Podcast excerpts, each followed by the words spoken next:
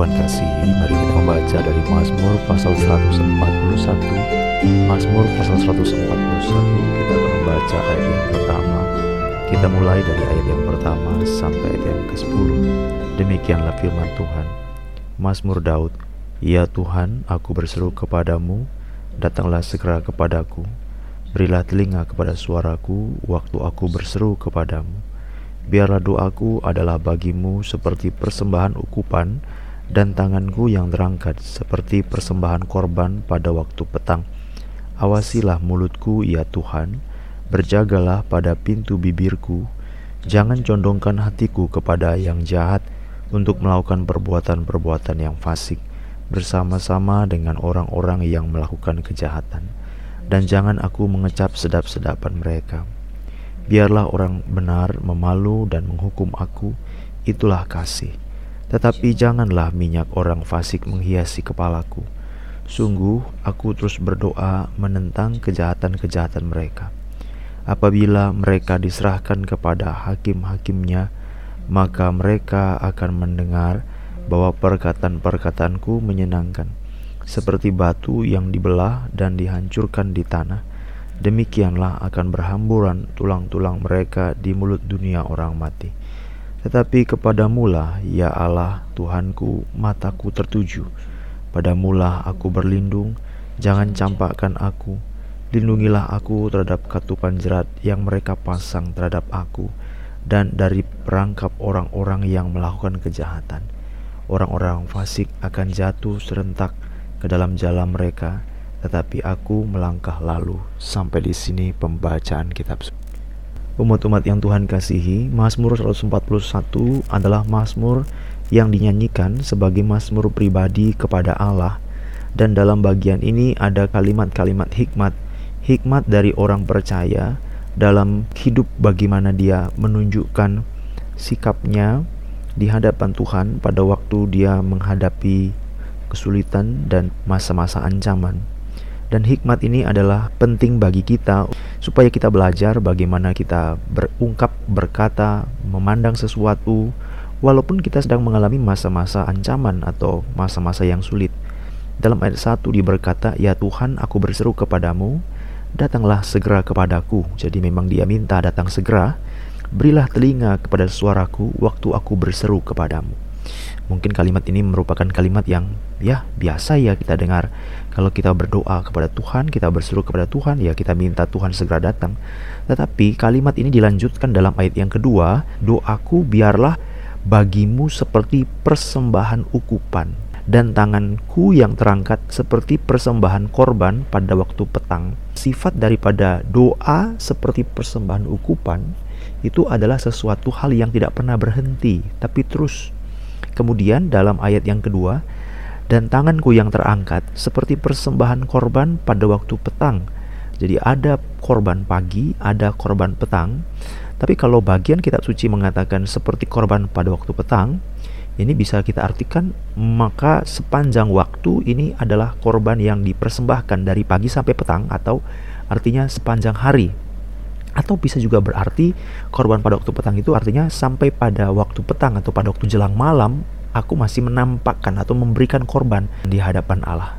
Ada beberapa istilah di sini yang menunjukkan intensitas atau tingkat kekerapan, sering, terus-menerus, kontinuitas, keterlanjutan, tidak pernah berhenti.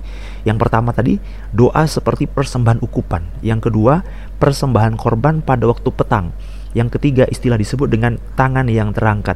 Jadi kalau saya langsung saja membicarakan dalam istilah tangan terangkat itu, kalau kita membaca dalam kitab perjanjian baru, Paulus berkata, aku menginginkan supaya setiap laki-laki datang kepada Tuhan dengan tangan yang terangkat. Itu semacam suatu penyerahan di hadapan Allah, menadahkan tangan. 1 Timotius pasal yang kedua ayat yang ke-8.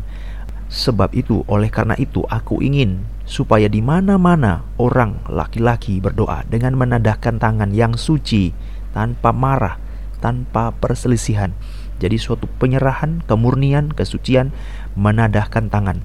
Dalam ayat yang kedua Mazmur 141 disebut tangan yang terangkat.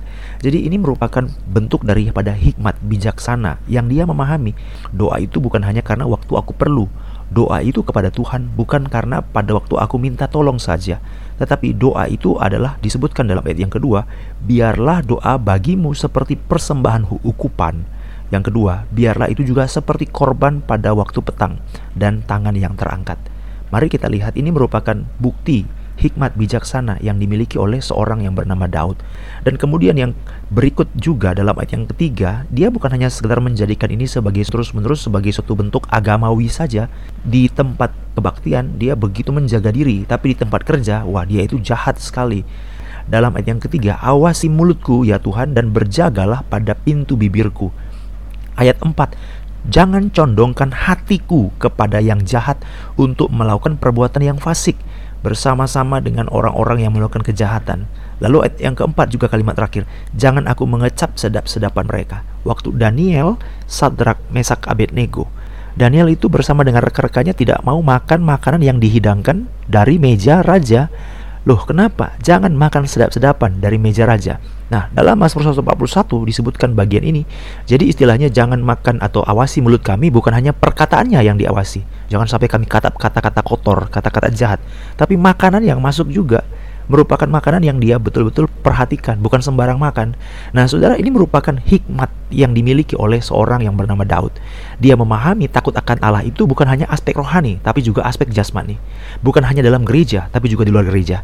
Bukan hanya kata-kata, tapi juga apa yang dia makan pola hidupnya. Jadi dalam hal ini kita bisa tahu bahwa mengenal Allah, mau mencintai Allah, mau takut akan Allah itu seluruh kehidupan. Tidak ada hal yang disebut dengan hanya rohani, hanya jasmani saja, hanya di gereja saja, tapi tidak di rumah. Enggak, hanya di tempat kebaktian, tapi bukan di tempat pekerjaan. Bukan, hanya dalam hal bicara, hanya dalam hal sikap. Tidak, tapi dalam hal makan juga.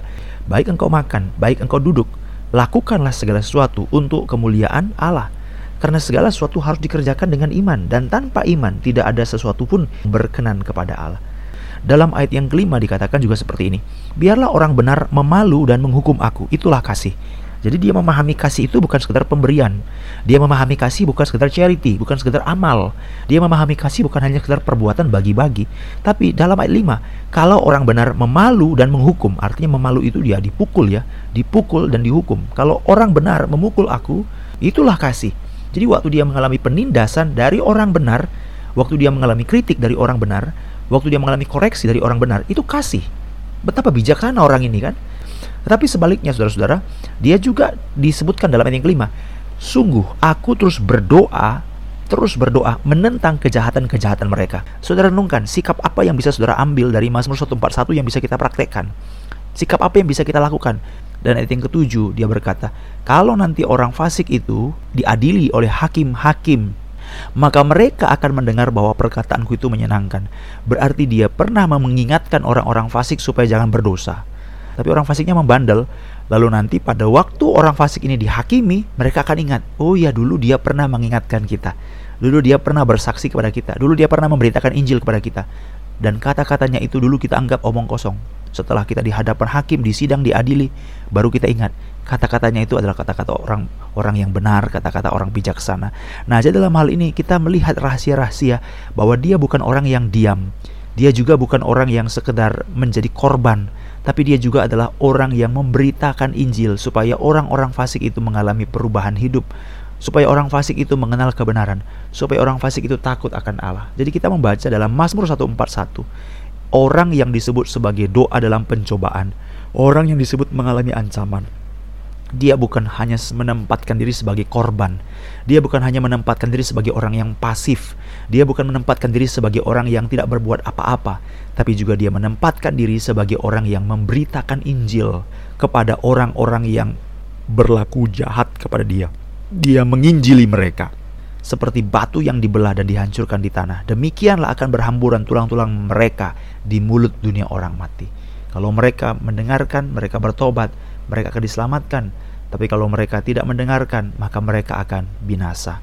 Dan kita baca dalam ayat yang ke-7, 8, dan 9 merupakan suatu bukti sampai 10 bagaimana Tuhan akan bekerja bagi orang fasik dan bagaimana Tuhan akan bekerja bagi orang ini karena hidupnya sungguh-sungguh mau mempermuliakan nama Tuhan. Dari awal sampai akhir hidupnya didedikasikannya, dipersembahkannya untuk Tuhan. Jadi saudara mari kita belajar untuk bergumul dalam doa. Jadi bergumul dalam doa bukan cuma doanya tok, Tapi sebelum doa, dia sudah memberitakan Injil. Dan selama doa, dia bukan hanya sekedar dalam kebaktian. Di luar daripada jam doa itu, seluruh kehidupannya adalah kesaksian kepada Allah. Persembahan yang hidup itu muncul dalam Roma pasal yang ke-12 ayat yang pertama. Apa itu persembahan yang hidup? Jadi semua orang kan mempersembahkan korban itu persembahan yang mati, tapi sebagai umat Tuhan kita sekarang muncul satu konsep baru, persembahan itu hidup.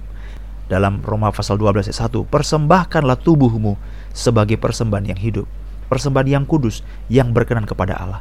Jadi artinya adalah saudara mempersembahkan hidup kepada Tuhan waktu saudara hidup. Jadi waktu engkau bekerja, persembahkan hidupmu Waktu engkau di gereja, persembahkan hidupku. Waktu engkau bekerja, persembahkan hidupku. Waktu engkau bisa berkata-kata, jangan nanti waktu tidak bisa berkata-kata, waktu stroke, waktu sakit, waktu seluruh aktivitasmu, pikiranmu, persembahkan kepada Tuhan. Jadi itulah yang terjadi dalam Mazmur 141. Banyak orang berkata, mari kita bergumul dalam doa. Cuma doanya tok. Tapi bagaimana dengan makananmu? Bagaimana dengan uangmu? Bagaimana dengan belanjamu? Bagaimana dengan mengatur hidupmu? Bagaimana dengan pola makanmu? Bagaimana dengan cara engkau bergaul? Bagaimana engkau memberitakan Injil? Gak ada, cuma doanya tok. Jadi kita jangan cuma berdoa, Tuhan kami berdoa penginjilan, tapi kita tidak pernah menginjil. Tuhan kami berdoa supaya kami cintai firman-Mu, tapi kita tidak pernah baca kitab suci. Tuhan kami ingin supaya Engkau terus-menerus memberkati hati kami, supaya doa-doa kami mempermuliakan nama Tuhan. Tapi kita tidak pernah hanya berdoanya saja. Setelah berdoa ngapain? Ya sama juga, aktivitas kita seperti orang-orang dunia. Tidak. Mazmur 141, pergumulan doanya itu bijak sekali. Dalam segala kehidupannya dia persembahkan kepada Tuhan. Mari kita berdoa.